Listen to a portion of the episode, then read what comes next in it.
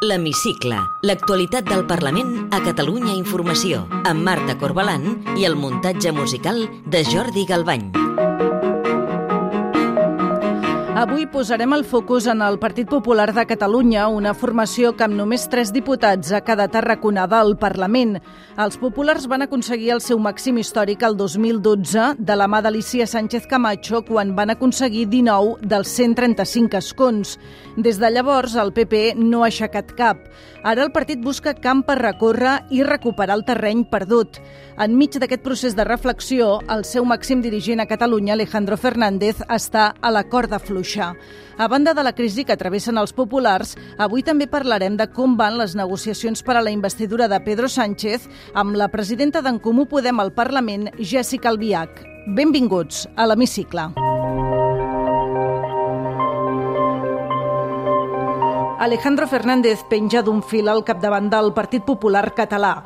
La direcció estatal del partit fa temps que li busca un relleu, però no acaba de tenir clar ni qui ha de ser el substitut, ni sobretot quan ha de forçar aquesta crisi per obrir una nova etapa al carrer Urgell de Barcelona. Això sí, l'escenari postelectoral d'aquest estiu ha precipitat la decisió. La tensió ha escalat després que Alejandro Fernández fes una esmena a la totalitat a l'estratègia d'Alberto Núñez Feijó, fins al punt que la relació entre tots dos s'ha fet insostenible. Per saber com hem arribat fins aquí i quins són els aspirants més ben col·locats a rellevar Alejandro Fernández, saludem des de Barcelona Albert Prat. Hola, què tal? Hola, Marta. I des de Madrid, Paula Brujats. Hola, Paula. Què tal? Hola. Alejandro Fernández va agafar, si fem memòria, les regnes del Partit Català a finals del 2018 amb Pablo Casado a la direcció estatal i ara, cinc anys després, Feijó se'l vol treure de sobre. Sí, Alejandro Fernández de, de Tarragona, ell té 47 anys, té un, ha marcat un perfil molt propi al, al Parlament des de que em va agafar les regnes a Catalunya. Recordem-ho, va entrar quan, quan Casado eh, acabava d'agafar el timó del Partit Popular a la seu del carrer Genoma de Madrid i podríem dir que va seguir una mica les mateixes passes, recordem-ho, era després de, del 2017 i per diferenciar-se de Ciutadans, que aleshores a Catalunya a partir del 18 va ser la primera força al Parlament, ell va endurir molt el, el seu discurs contra l'independentisme i podríem dir, Marta, fins i tot que va trobar una manera de destacar en els debats, sent ell o pràcticament ell l'únic diputat del PP, perquè no quedés diluït el discurs del partit. Solo te pido, solo te pido que me hagas la vida agradable, aunque nada coincida contigo. Gracias. De fet, va dedicar aquesta cançó de Manolo Escobar des del faristol del Parlament a Quim Torra per demanar-li convivència, però podríem dir no, mm, que ara Feijó vol fer un gir cap al centre per aprofitar la desfeta de Ciutadans i per intentar recuperar l'espai perdut de Vox, i ara aquí és quan Alejandro Fernández està més en entredit. Sí, de fet, el que ens diuen aquí a Madrid Fons de Gènova és que li veuen poc recorregut a Alejandro Fernández, fons dels populars. Um, diuen que és una llàstima perquè destaquen que és un perfil uh, molt bo, és un orador, diuen que destaca, però sí que creuen que ha arribat al seu final i per això doncs, aquí a Gènova ja estan pensant en altres possibles candidats. És a dir, eh, hem vist durant la campanya electoral de les Generals, l'última que hi va haver el juliol, una sintonia entre Alberto Núñez Feijó i Alejandro Fernández. Van, van estar junts uh, a diversos actes aquí um, a Catalunya, però sí que el líder del PP Feijó ja pensa ara doncs, en una altra persona per posar al capdavant del Partit Popular a Catalunya i sobretot després del que va passar a finals de juliol i ja post 23 de Jota quan Alejandro Fernández va sortir en públic a desafiar l'estratègia de Feijó i va qüestionar doncs, que volgués negociar amb Junts per sondejar el seu suport a la, a la investidura. Podríem dir que Alejandro en aquell moment potser ja es veia fora uh, del partit i que per això va obrir aquesta batalla amb Fejo, però sí que ens diuen fons de Gènova que això ha estat la gota que ha fet vessar el got i que ara doncs, ja pensen en el seu relleu. I si ens fixem ara en els noms, qui figura a les quinyeles? Quins serien els aspirants a rellevar Alejandro Fernández? Hi ha tres noms sobre la taula, tres noms que són el possible relleu. Manu Reyes, alcalde de Castelldefels, a Gènova diuen que s'ho ha guanyat, que l'han potenciat eh, les urnes a eh, les últimes municipals, que és de les poques alegries que tenen ara mateix a Catalunya, ens diuen, i és home de confiança d'Alberto Núñez Feijo, però sí que és cert que és un perfil molt poc conegut ara mateix a Catalunya.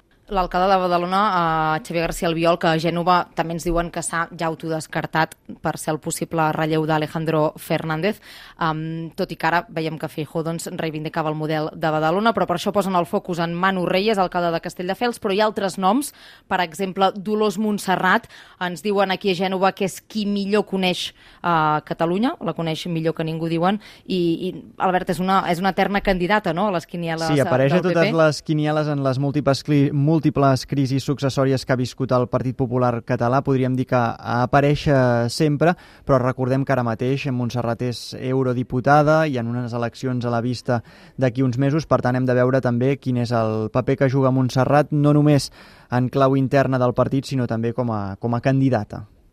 I hi ha encara un altre nom, que és el de Daniel Cirera, regidor de l'Ajuntament de Barcelona, que des de Madrid també diuen que s'ha posicionat molt bé aquests últims mesos i, per tant, és un dels noms que sona per fer aquest relleu. I, um, Marta, un altre que no hem de descartar, és veritat que hi feia referència la, la Paula al principi, és el propi Alejandro Fernández. És a dir, en aquestes um, travesses uh, de Gènova o, diguem, de, dels noms favorits uh, per Feijó, no hi figura el d'Alejandro Fernández, però no hem de descartar que hi pugui continuar al capdavant del partit si no troben algú que els hi acabi d'encaixar. Hi ha sectors, de fet, a- al PP de Catalunya que no el volen donar per amortitzat, diuen que encara té corda i comparteixen la seva manera de fer política. Doncs una radiografia molt completa del que està passant i del que pot passar a les files del Partit Popular. Paula, Albert, gràcies per aquesta exhaustiu anàlisi i fins una altra. Que vagi bé. A vosaltres. Té la paraula Soc Jessica Albiach, presidenta del grup parlamentari En Comú Podem a Catalunya.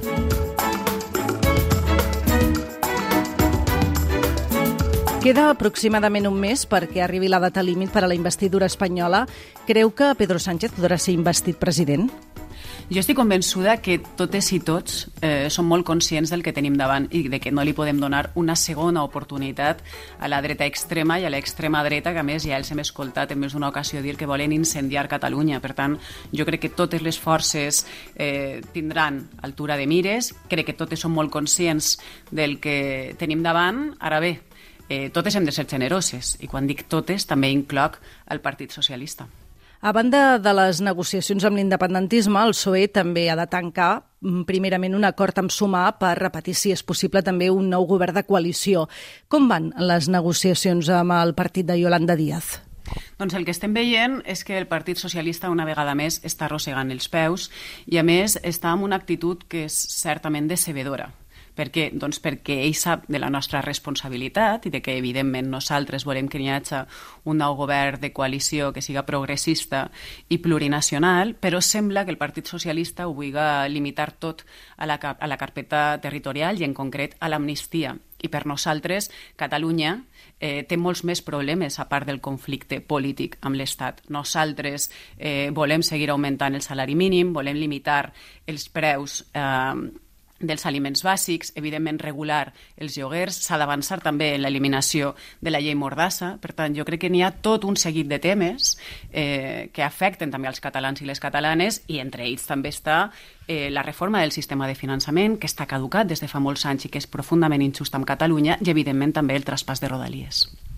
Aquests temes que ha comentat, com la pujada del salari mínim o l'habitatge, eh, això podria ser un escull en les negociacions amb el PSOE? Poden fer perillar la investidura de Pedro Sánchez?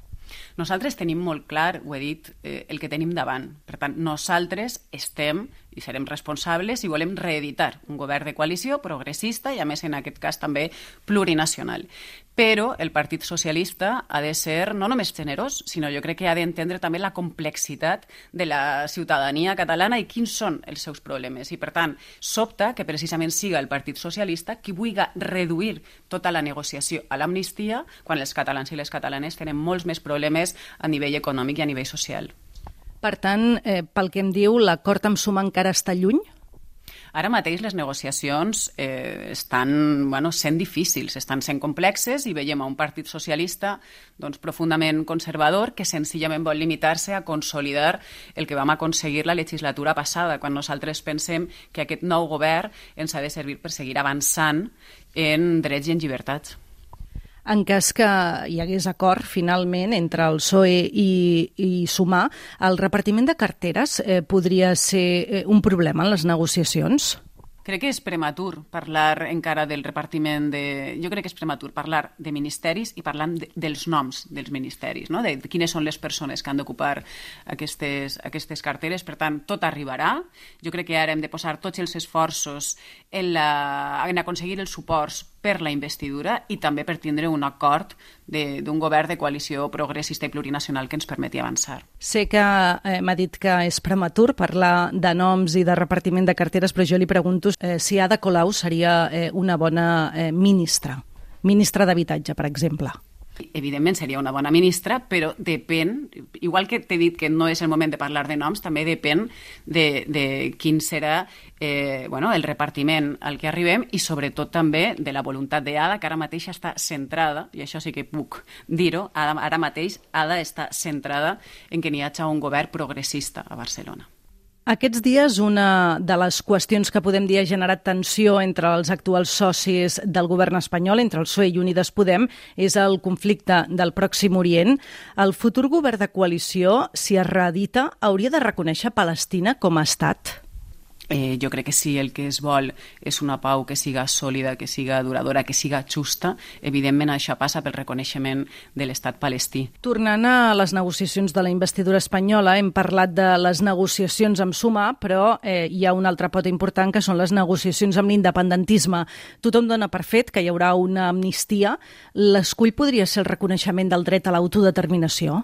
Bueno, jo crec que hi haurà una amnistia, però sí que és important que no donem les coses per fetes. I també eh, a mi m'agradaria que tinguérem clar que l'amnistia no és una concessió als partits independentistes o al món independentista, sinó que l'amnistia la necessitem tots i totes les catalanes. No? Precisament aquells que volen mirar endavant, jo crec que és important aquesta amnistia per culminar el procés de desjudicialització que van començar amb els indults, després amb el que vam denominar la via ascens, que era l'eliminació del, del delicte de sedició del Codi Penal, i a partir d'ahir jo crec que l'amnistia ha de tancar un cicle per poder parlar més de futur eh, que no de passat. Jo crec que aquest ha de ser com el tronc central de, del que se negocie ara mateix i després jo crec que tenim una legislatura per davant per parlar de tot el que calgui. Aquesta setmana el president Pere Aragonès ha presentat l'acord de claretat, la seva proposta per resoldre el conflicte polític entre Catalunya i Espanya.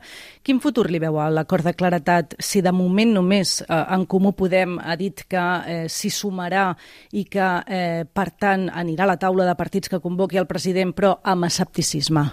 Bueno, jo crec que el president també hauria de reformular la taula de partits. És a dir, a nosaltres volem anar a parlar del pacte de claredat perquè és una proposta que ens creiem, però també en aquesta taula de partits s'hauria de poder parlar d'altres temes, com per exemple la reforma del sistema de finançament i totes aquelles carpetes, el que diem la carpeta catalana, que té diversos temes on necessitem arribar a un acord de país i no a un acord de partits.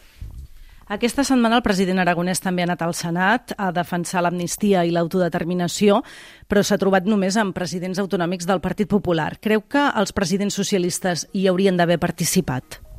a mi m'hagués agradat que, que els presidents socialistes també poguérem participar, perquè, perquè jo crec que s'ha de fer molta pedagogia i, sobretot, i, i torna a insistir en una idea que he llançat a l'inici, l'amnistia no és una concessió, als partits independentistes. L'amnistia és bona per tothom, principalment pels catalans i les catalanes, però també per la resta de l'Estat. Per tant, a mi m'agradaria que els presidents socialistes també se la feren seva i foren capaç també de fer pedagogia i d'explicar-la. Si li sembla bé, ara ja ens endinsem en el terreny més personal i li demano si pot contestar amb respostes al màxim de breu possibles. Recorda que volia ser de petita? Ui, de petita volia ser moltes coses eh, volia ser perruquera, per exemple, i de fet havien d'amagar moltes vegades les tisores de casa perquè a la que podia m'estava m'estava tallant els cabells, però també volia ser astronauta, volia ser pagesa, bueno, anava canviant. Amb quin diputat o diputada que no sigui del seu grup compartiria una sobretaula distesa? Doncs l'Alicia Romero, per exemple, del PSC, me genera molta simpatia. Abans de fer el salt a la política, eh, de què treballava? Doncs era periodista. Té algun viatge pendent de fer? Tinc molts, però, però és cert que amb el meu company parlàvem eh, fa anys d'anar a Xina, però amb tot el tema de, de la Covid, eh, doncs evidentment està, està posposat i, i ja no sé si ni, ni si anirem ni quan, no? I ja per acabar, completi la frase següent. El que més m'agradaria del món és... Ara mateix el que més m'agradaria del món és que no hi haguera guerres. Jessica Albiach, presidenta del grup d'en Comú Podem al Parlament, gràcies per atendre'ns a l'hemicicle de Catalunya Informació. Gràcies a vosaltres. Podeu tornar a escoltar l'hemicicle al web catradio.cat barra hemicicle o al podcast del programa i seguir l'actualitat del Parlament al perfil de Twitter arroba L-hemicicle.